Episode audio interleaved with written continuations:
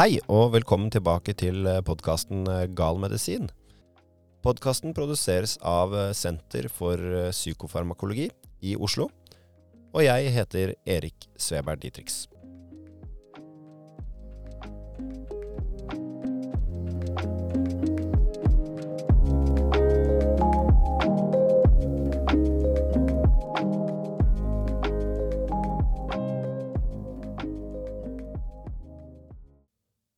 For noen få år siden skulle et liten jente gjennomgå et mindre kirurgisk inngrep ved et lokalsykehus på Østlandet.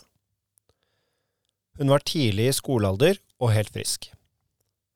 Jenta brukte heller ingen medisiner, og legene anså det derfor som helt trygt å gi narkose før inngrepet. Først fikk hun noen tabletter paracetamol og sovemedisin, før det ble lagt inn et venekateter som ga legene tilgang til blodet for å raskt kunne gi opioidet remifentanil og et annet anestesimiddel som vi kaller propofol. Disse medisinene ble gitt gjennom sprøytepumper som helt nøyaktig kunne sende riktig dose gjennom slanger koblet til jentas blod, gjennom venekateteret som altså lå inn i en av venene hennes. Vekten hennes ble brukt til å regne ut riktig dose, som snart var på vei inn i kroppen, slik at kirurgene kunne gjennomføre et trygt inngrep uten smerter. Dette var noe legene og sykepleierne på operasjonssalen gjorde hver dag, men akkurat denne dagen skulle bli annerledes. Ikke fordi medisinen hadde en uventet og dramatisk effekt. Tvert imot. Ingenting skjedde. Opioider, som remifentanil, gir smertelindring og fører også til at vi slutter å puste når dosen blir stor nok. Når vi er under kirurgisk behandling, vil erfarne sykepleiere og leger sørge for at en respirator puster for oss.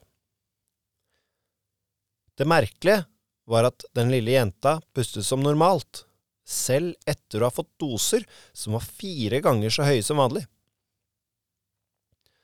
Personalet på operasjonssalen begynte å lete etter feil. Kunne venekateteret ha havnet utenfor blodåren, slik at medisinen ikke gikk inn i blodet? Var det noe galt med sprøytepumpene eller slangene? Hadde noen glemt å blande medisin i sprøyten? Ingen feil ble funnet. Samtidig fikk hun nye doser med opioider. Denne gangen fentanyl, et stoff som er 80 100 ganger sterkere enn morfin. Selv ikke fentanyl hadde effekt. Gode råd var nå dyre. En ny sprøyte med remifentanyl ble forsøkt, samt en sprøyte med morfin, men uten at noe skjedde. Legene forsto at de måtte prøve noe annet. Alternative anestesimidler, som ikke var opioider, ble gitt, og heldigvis virket det. Til slutt kunne de operere jenta, med et godt resultat.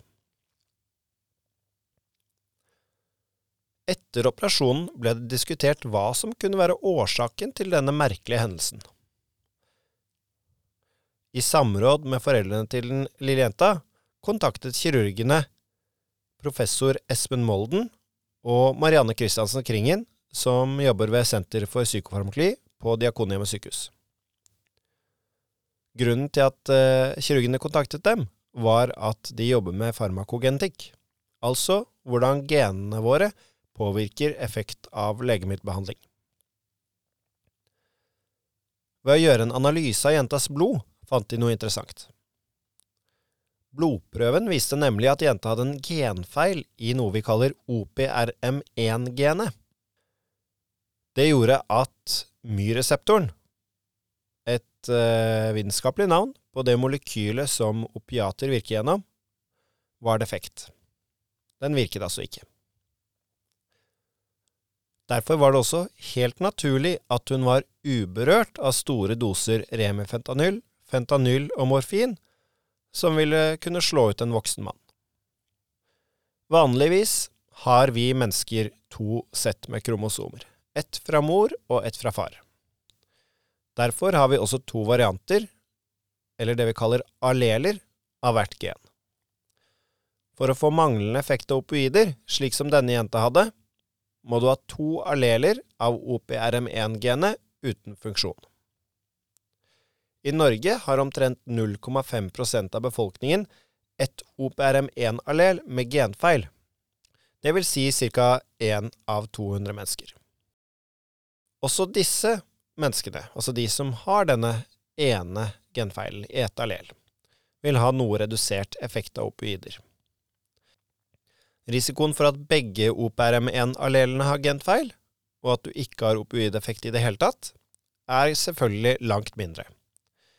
Dette gjelder bare én av 40 000 nordmenn. En av disse var den lille jenta på operasjonsbordet. Hvis du vil vite mer om denne historien, så kan du lese artikkelen Noe å lære av en jente i tidlig skolealder uten effekt av opioider ved generell anestesi, som er publisert i tidsskriftet for Den norske legeforening i eh, mars 2019. Og den eh, ble skrevet av eh, Thomas Risom Olsen, Anders Rasmussen, Marianne Christiansen Kringen og Espen Molden.